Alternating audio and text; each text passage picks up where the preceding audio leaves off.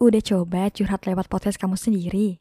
Jangan lupa untuk tetap pakai aplikasi Anchor yang pastinya memudahkan kamu dalam berkarya. Selain fitur-fitur yang lengkap, aplikasi ini gratis.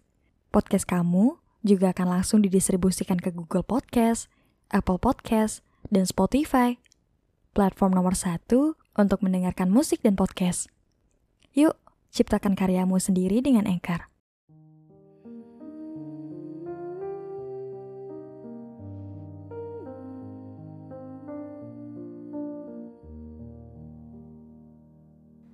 Dulu saat kecil, kita punya segudang mimpi dan berharap saat besar nanti, mimpi-mimpi itu akan benar-benar terjadi.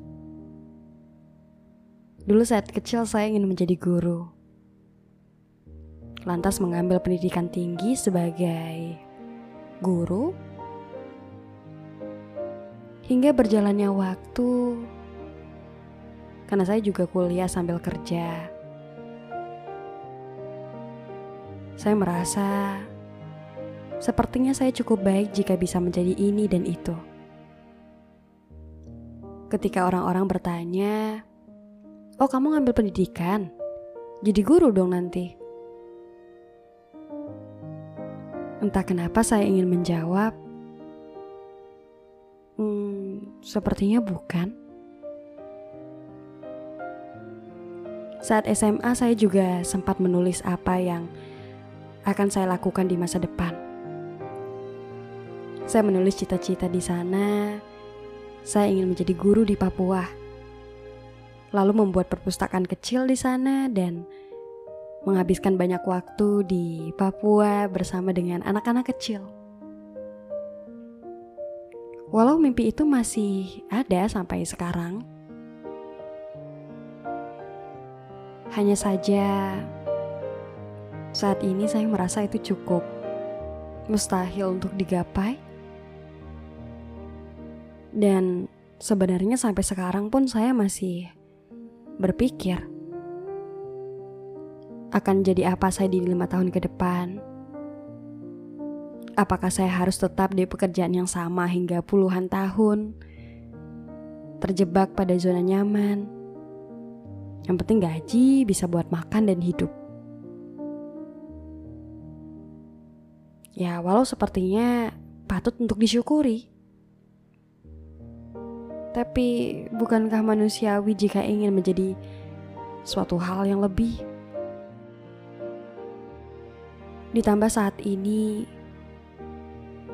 media sosial sering menampilkan usia-usia muda yang sepantaran, yang bahkan lebih muda. Mereka bisa punya kehidupan yang baik, yang indah, bisa bangun rumah sendiri, beli mobil sendiri,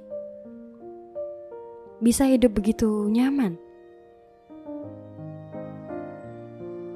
Sedangkan saya masih harus pikir-pikir untuk membeli pakaian mahal. Setiap bulan pengeluaran harus diukur dengan benar agar bisa cukup.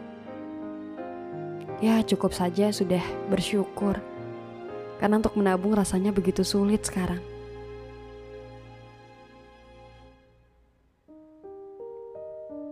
Di perjalanan kereta, ketika melintasi gedung-gedung tinggi, atau melihat orang-orang dengan ID card yang menampilkan perusahaan-perusahaan besar, saya selalu bertanya-tanya, apakah mereka puas dengan apa yang mereka dapatkan? Apakah menyenangkan bekerja di perusahaan besar? Apakah gaji mereka memadai untuk hidup nyaman di ibu kota? Dan pertanyaan paling terakhir, apakah saya juga bisa menjadi seperti mereka ya? Saya mengambil kesimpulan bahwa saya belum merasa cukup puas dengan hidup, dengan apa yang sudah saya dapatkan apa yang sudah diberikan kepada saya. Hingga di beberapa hari yang lalu, seorang bapak satpam mampir di kantor saya. Ya karena saya dan orang kantor juga sudah cukup dekat dengan lingkungan daerah kantor jadi ya Bapak-bapak satpam komplek itu sudah terbiasa duduk sejenak di dalam kantor. Lantas bapak satpam itu bilang begini ke saya. Dita saya numpang adem ya. Oh iya pak, monggo, duduk aja. Panas banget ya pak di luar. Be, bukan main, Dit. Panasnya luar biasa. Yaudah ngadem dulu lah pak, jam istirahat juga. Enak ya Dit kalau kerja kantoran begini. Kena AC tiap hari. Kayaknya kalau kerja begini nih harus jadi orang pintar dulu ya Dit ya. Bapak itu mengatakan seolah itu hanya bercanda padahal saya tahu betul bahwa itu suara isi hatinya. Lantas saya yang kehabisan kata-kata Mendengar kalimat itu, saya hanya bisa mengatakan, "Alhamdulillah, Pak. Semangat ya, Pak." Kalimat yang Bapak Satpam itu sampaikan seperti tonjokan keras yang tepat mengarah pada wajah saya dan membuat rasa tidak puas saya itu menjadi lebam. Masih banyak yang tidak seberuntung kamu, Dit. Jika di jalan pulang kemarin saya berpikir, bukankah bekerja di gedung-gedung tinggi itu akan menyenangkan? Namun saat ini, hal yang terlintas dalam pikiran saya adalah apa kabar mereka? Penjual yang masih berdoa dan berharap dagangannya habis dan membawa senyum lebar saat pulang ke rumah. Apa kabar mereka yang berjualan tisu di pinggiran stasiun? Berharap membawa uang puluhan ribu untuk hari ini. Para ojol yang yang masih ngetem sampai malam berharap bisa beli susu buat anaknya. Apa kabar mereka yang tidak seberuntung saya hari ini masih diberi kesempatan untuk bekerja sedangkan ada puluhan ribu orang yang berharap dipanggil untuk bekerja. Hidup yang sebentar ini memang akan selalu membawa harapan. Selalu ada keinginan yang mereka lanturkan di tiap-tiap doa mereka. Yang tidak punya sepeda berharap punya sepeda, yang punya sepeda berharap punya motor. Yang punya motor berharap punya mobil. Dan yang punya mobil berharap bisa punya mobil yang lebih mewah lagi.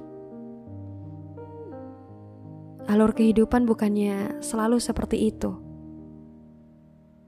Baik memang jika kita terus menginginkan sesuatu untuk membuat diri kita ini berkembang. Ingin punya pekerjaan jauh lebih baik, punya penghasilan yang jauh lebih besar. Namun, usahakan tiap niat yang kita inginkan itu selalu kita titipkan kebaikan di sana. Contoh, ingin punya pekerjaan yang lebih layak, penghasilan yang cukup, supaya bisa bantu orang-orang lebih banyak lagi, bisa bantu keluarga, dan ya apa pun itu kebaikan yang bisa kita lakukan jika kita punya sesuatu yang kita rasa baik. Teknik ini saya pelajari dalam buku. Ia menyuruh para pembacanya untuk menulis kebaikan apa saja yang bisa kita lakukan jika kita menjadi orang kaya. Dan ya sepertinya saya juga merasa bahwa uang itu memang bisa membeli kebahagiaan realitanya seperti itu. Karena ketika kita diberikan hal yang lebih untuk menjadi lebih baik juga akan jauh lebih mudah. Untuk memberi juga akan mudah pula. Tapi bukan berarti apa yang kita punya sekarang itu tidak kita syukuri pula. saya sadar bahwa saya sering membawa topik-topik tentang bersyukur di podcast saya karena karena itu pun masih menjadi pengingat untuk diri saya sendiri. Sangat-sangat menjadi PR yang besar, yang berat. Sering saya bahkan mempertanyakan takdir yang sudah semesta takdirkan ke saya. Kenapa harus hidup seperti ini? Mengapa harus begitu bekerja keras? Kenapa andai ayah masih ada, saya tidak perlu ikut orang, saya tidak perlu membiayai kuliah sendiri, saya masih bisa hidup nyaman di keluarga yang utuh. Ketika saya merasa begitu lelah dan sangat-sangat lelah untuk berjuang, saya sering menyalahkan takdir yang saya punya. Dan mengapa juga saya uh, membuat podcast yang kemarin tentang saya ingin jatuh cinta karena saya ngerasa ketika kita punya seseorang yang akan mendukung kita, ya setidaknya ada seseorang yang bisa mengalihkan pikiran kacau kita. Dan jatuhnya pun tidak akan seburuk itu. Entahlah apa kalian juga begitu. Tapi ya berjuang sendiri itu memang terasa tidak mudah. Makanya saya berdoa semoga kalian yang tengah berjuang tetap diberikan kekuatan dan rasa syukur yang lebih. Ya tidak apa sesekali mengeluh, tapi ya usahakan banyak syukurnya ya. Kita sama-sama bersyukur untuk hal-hal kecil yang jarang kita sadari. Dan semoga tidak ada kata terlambat untuk mimpi-mimpi yang kita inginkan. Dan untuk hidup yang sementara ini yang tidak pernah tahu kapan kita akan berakhir Sepertinya ada baiknya memang untuk tetap berusaha menjalani hari-hari dengan baik. Lakukan hal terbaik yang bisa kita lakukan. Beri ketulusan untuk pekerjaan yang kita lakukan hari ini. Berikan cinta terbaik untuk orang-orang yang disayang. Bantu seseorang semampu yang kita bisa. Lakukan hal yang menyenangkan untuk hidup yang terasa begitu berat untuk dijalani perihal takdir apa yang akan kita jumpai nanti, ya kita ikuti saja. Namun selagi masih muda, jika kita merasa kita masih bisa melakukan hal yang lebih, ya kita terus belajar setiap harinya. Intinya apa pun yang akan menghampiri kita, kita tahu bahwa jalan yang sudah diberikan kepada kita itulah jalan yang terbaik untuk kita. Semangat, semangat, semangat, semangat.